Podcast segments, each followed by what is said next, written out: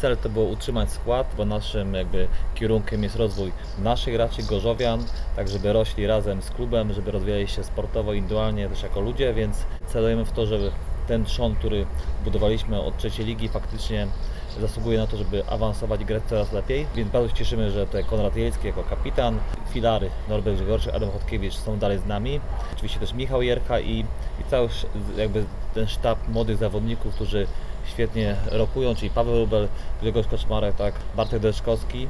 No i to oczywiście też szukamy nowych zawodników.